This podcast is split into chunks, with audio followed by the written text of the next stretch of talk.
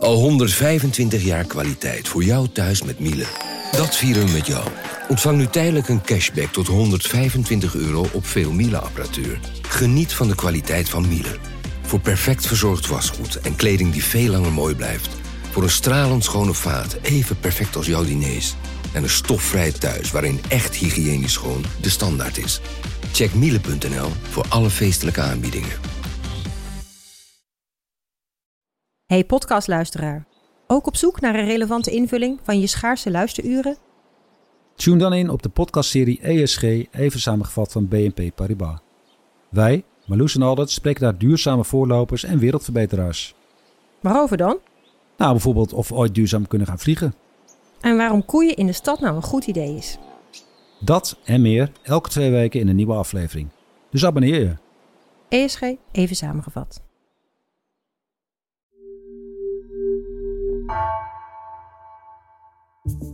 Vanaf de redactie van NRC het verhaal van vandaag. Mijn naam is Floor Woon.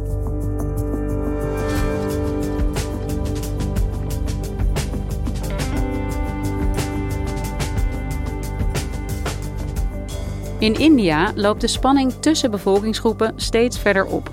Hindoe-nationalisten die een puur India willen, stoken hun aanhangers op tegen de moslimbevolking, aangemoedigd door lokale en door nationale leiders. Correspondent Lisa Dupuy volgde twee dagen een lokale, militante Hindoe-leider om te begrijpen waar de woede vandaan komt.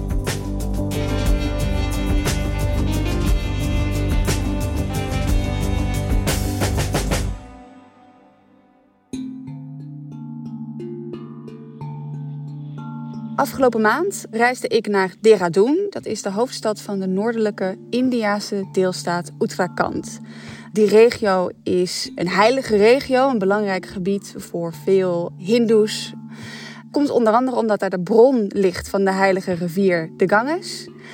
En Uttarakhand heeft zichzelf een beetje vermarkt tot een soort bedevaartsoord het is een gebied wat aan de voetheuvels van de Himalaya ligt. Dus er hangt ook wel een beetje een mystieke sfeer als je daar uh, vatbaar voor bent. Ik vind het er prachtig. En de allerkleinste bergdorpjes zijn guesthouses, hotelletjes, pensions ook te vinden voor pelgrims die onderweg zijn naar bijvoorbeeld de Ganges.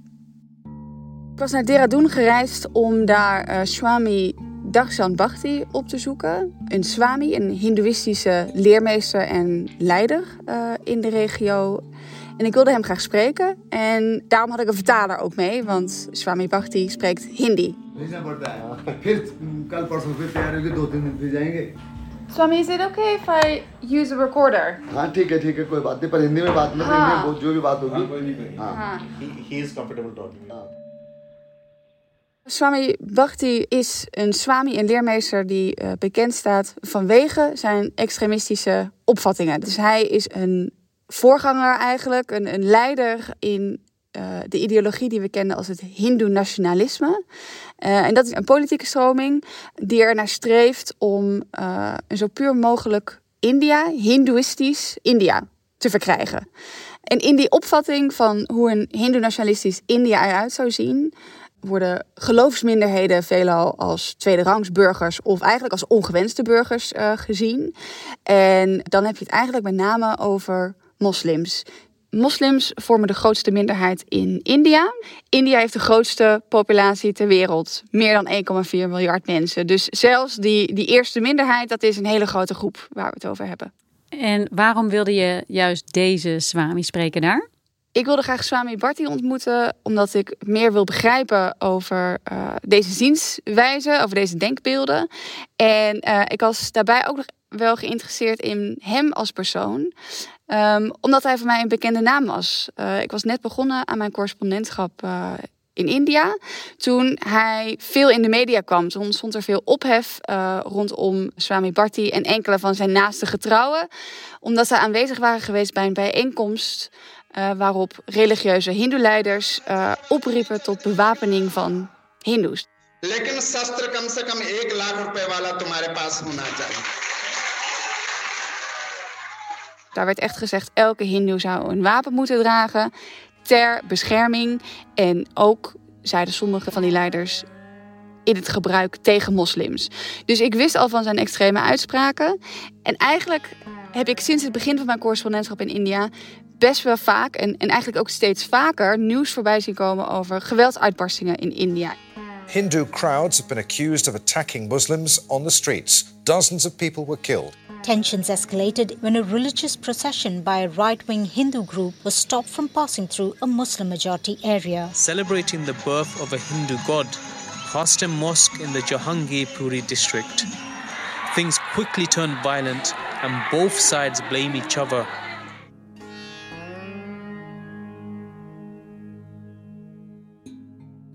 Voor mij was, uh, was deze nieuwste ontwikkeling dus de reden om eens te kijken of ik in zijn wereld kon kruipen. Of ik kon begrijpen wat Hindu-nationalisten precies willen en hoe ze dat proberen te bewerkstelligen.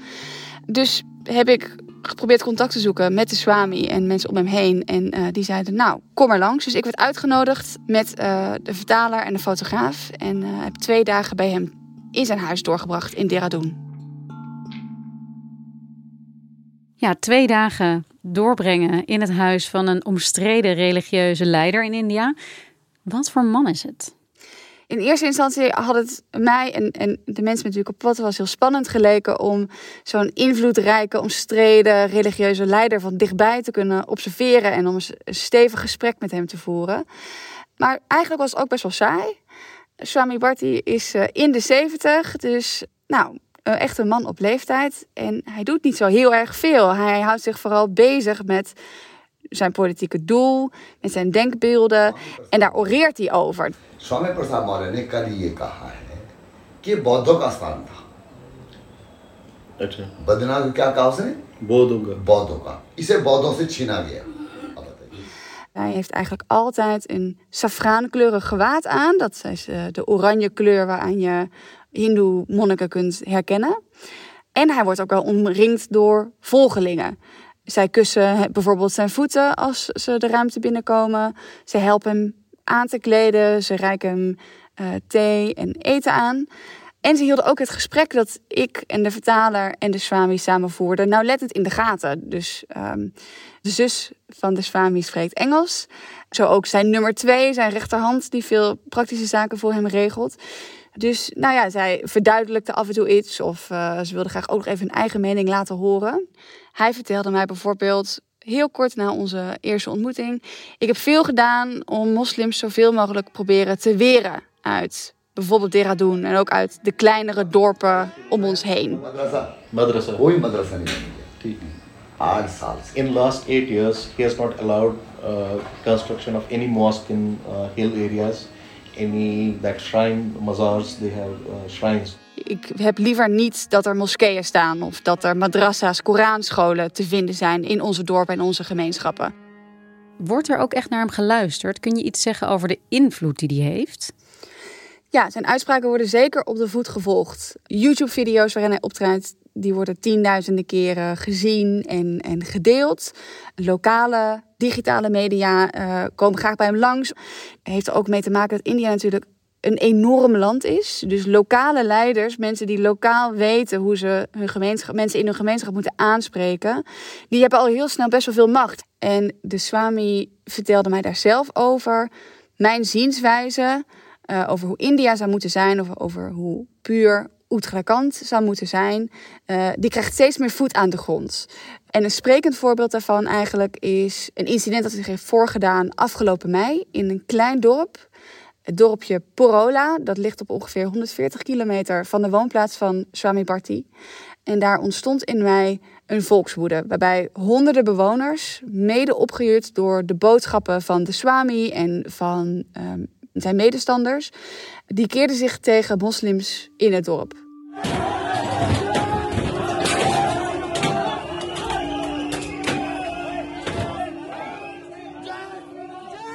Parola was de aanleiding hiervan een zedenzaak waarbij twee mannen, twee meerderjarige mannen, uh, werden opgepakt. Omdat ze daarvan werden beschuldigd uh, een minderjarig Hindoeïstisch meisje te hebben willen ontvoeren uit het dorp. En een van die daders was een moslim en een van die daders uh, was een hindoe. Maar in het huidige klimaat kwam de focus van zonneboek, van dader, te liggen op de moslimman. Dat komt omdat Hindoe-nationalisten um, al enkele jaren een complottheorie uh, te berde brengen, propageren. Die uitgaat van het idee dat moslimmannen liefde zouden veinzen of als een manier gebruiken om vrouwen in de val te lokken en hen daarna geforceerd te bekeren van Hindoeïsme naar islam. De complottheorie wordt ook wel de love jihad genoemd uh, door deze hindoe-nationalisten. En in beginsel er is niks van waar. Er zijn nooit aanwijzingen gevonden van, van zulke grootschalige campagnes om uh, vrouwen gedwongen de islam te laten aanvaarden. Maar het is wel een beeld wat heel goed blijft hangen, blijkbaar in de Indiase samenleving. En is in het geval van Purola echt de ontsteking geweest van een volkswoede richting moslims. En zo stonden er ineens 150 man woedende menigte voor de deur van een winkelier die ik ook heb gesproken, Mohammed.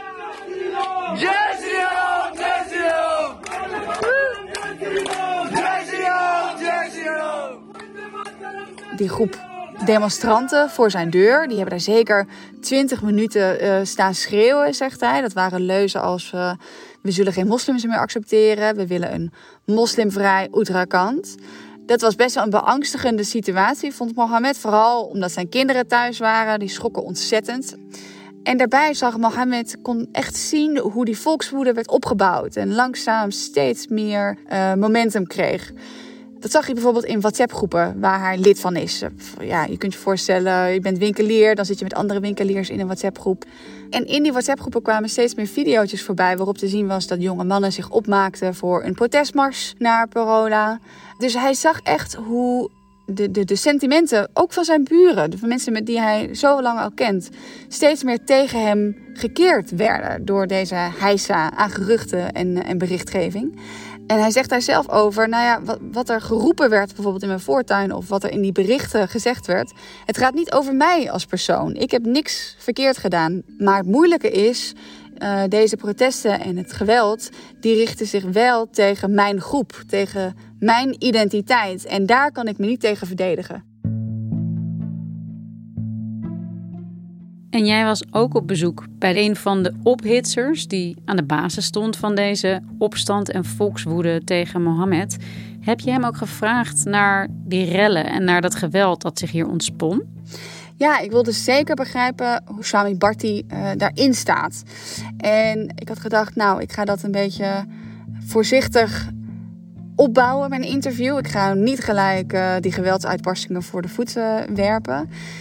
Maar hij begon eigenlijk zelf vrij snel over uh, de gebeurtenissen in Porola. Daarvan zei hij namelijk: Porola is het bewijs dat ik niet alleen ben in mijn gedachtegoed. Aan de andere kant zegt hij: Nou ja, hè, geweld het is geen vereiste voor de stichting van de Hindoestaat.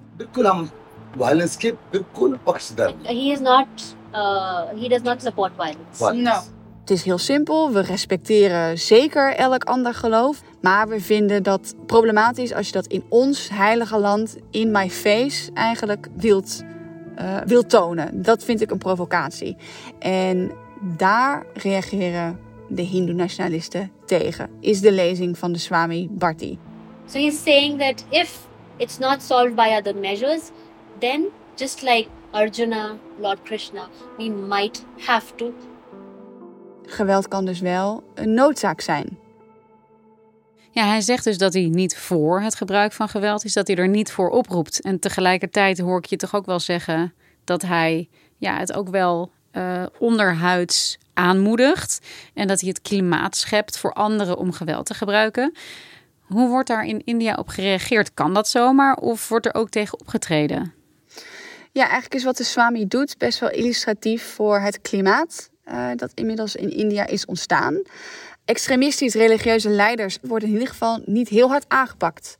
Er lopen veel lijntjes, lijkt het toch op, op tussen de lokale politieke leiders en de lokale religieuze leiders. En verder in India is het Hindoe-nationalisme wel degelijk wijdverspreid in de samenleving. Uh, door de geschiedenis heen heeft het verschillende periodes van populariteit en opvattingen gekend. Maar tegenwoordig uh, zien veel analisten, politiek analisten, heeft het een steeds belangrijkere plek en uiting gekregen in de Indiase politiek. En dat komt, we kunnen wijzen naar de uitverkiezing van Narendra Modi als premier van India en als leider van de BJP. Hindoe-nationalisme is een onderdeel van het BJP-partijprogramma. En daarmee merk je een klimaat en ook een uh, retoriek die steeds meer is gericht tegen de minderheden in het land. En wat betekent dit voor al die spanningen die jij beschrijft? Hè, dat de Hindoe-nationalisten ook in de regering zitten, dat actief uitdragen. Wat betekent dat voor de spanningen tussen Hindoes en moslims in het hele land? Ja, tot op zekere hoogte hebben die onderdeel gemaakt, uitgemaakt van de Indiase samenleving überhaupt. Maar die komen nu steeds meer op scherp te staan. Er zijn steeds meer geweldsuitbarstingen. Uh, ik hoor steeds meer burgers, moslimburgers, maar ook niet of non-Hindoe-nationalisten, uh, die zich daar zorgen over maken. Die echt zeggen er is een klimaat ontstaan van haat en geweld. En dat is alsof India in sommige plekken echt een, een kruidvat is waar. Uh, politieke leiders of deze religieuze leiders eigenlijk alleen maar de lont hoeven aan te steken. En dan hebben we te maken met het volgende incident. En ik merk dat zelf ook. Als journalist zie ik zo vaak incidenten als Pirola voorbij komen. Uh, maar ik merk het ook om me heen. In uh, New Delhi, waar ik woon, woon ik in een gemixte wijk. Een aantal van mijn buren zijn moslim. En er is bijvoorbeeld een man die uh, zorg draagt voor een kleine moslim gebedsplaats. En dat tempeltje wordt onder haverklap vernield. En dan ga ik weer naar hem toe en dan, dan, maak ik met hem een praatje. En eigenlijk voelen we ons daar steeds ongemakkelijker bij om dat aan de straat uh, te doen. Hij wordt steeds vaker lastiggevallen door voorbijgangers bijvoorbeeld. Uh, steeds vaker uitgejouwd. Dus de spanning is gewoon steeds meer voelbaar. Ook voor mensen zoals ik, die eigenlijk, nou ja, objectief gezien, een beetje buiten die grieven staan. En in het voorjaar van 2024 uh, eh, zijn landelijke verkiezingen gepland. Dus de BJP en uh, premier Modi die gaan in het hele land campagne voeren. Uh, ja, er zijn, er zijn politici die gebaat zijn eigenlijk bij het opstuwen van deze spanningen. Dus die sfeer die is niet zomaar verdwenen in India, helaas. En hoe is het nu in Purola en met Mohammed? Nou, in Parola is het nu rustig. Mohammed woont nog steeds in zijn geboortedorp en hij weigert te vertrekken. Als je het vraagt, dan wordt hij geïrriteerd en dan zegt hij: Ja, ik ben hier geboren. Ik uh, ben Indiër en ik ben moslim en ik ben in Parola geboren. Hoezo zou ik moeten vertrekken? Er zijn ongeveer 40 moslimgezinnen in Parola. Daarvan is een groot gedeelte, in ieder geval het dorp, ontvlucht tijdens de gewelddadige ontwikkelingen. Een aantal is inmiddels ook weer terug. En heeft net als Mohammed de winkels weer geopend. Maar er zijn ook een aantal gezinnen die definitief besloten hebben om, om weg te blijven. En Mohammed zei daarvan: Nou, ik, ik begrijp die beslissing wel. Het probleem is alleen: waar ga je heen? Ik voel mij nu in Parola ook angstig. Um, ik weet nu ook dat er hier veel mensen wonen die ik niet meer kan vertrouwen. Maar overal in India worden moslims opgejaagd en lastiggevallen. Dus ik zie niet in uh, waar ik mijn volgende zaak zou moeten openen om mijn gezin te onderhouden. En Lisa, jij zei aan het begin dat je in de huid wilde kruipen van deze Swami om dat Hindoe-nationalisme beter te begrijpen. Is je dat gelukt? En ook, hoe denk jij dan dit alles verteld hebbende dat het verder zou gaan in India? Ja, ik wilde inderdaad dichter bij het Hindoe-nationalisme komen en de mensen die dat propageren. En ik heb dus wel geleerd, of wel beter gezien, uh, hoe het propageren van deze denkbeelden uh, via allerlei, uh, via eigenlijk maatschappelijke alchemie kan leiden, dus inderdaad tot geweldsuitbarstingen. Het is moeilijk om te zeggen, de Swami is de enige die dit heeft aangestoken. Maar hij is zeker een van de leiders naar wie gekeken wordt door allerlei mensen die zich op een of andere manier achtergesteld voelen of die willen grijpen naar een manier om meer grip te krijgen op hun eigen levens. Dat, dat is me wel duidelijk geworden.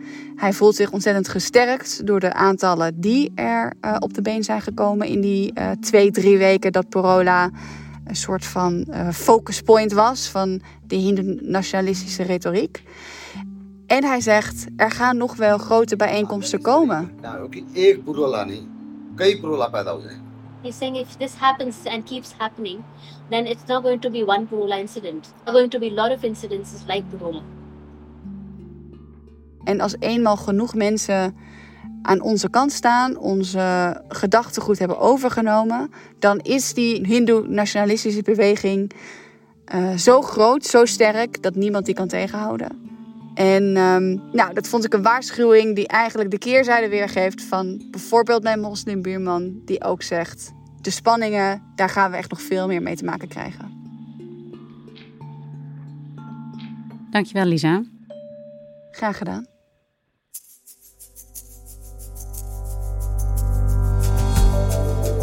Je luisterde naar vandaag, een podcast van NRC. Eén verhaal, elke dag. Deze aflevering werd gemaakt door Tessa Kolen en JP Geersing. Coördinatie Henk Ruigrok van der Werven. Dit was vandaag. Morgen weer.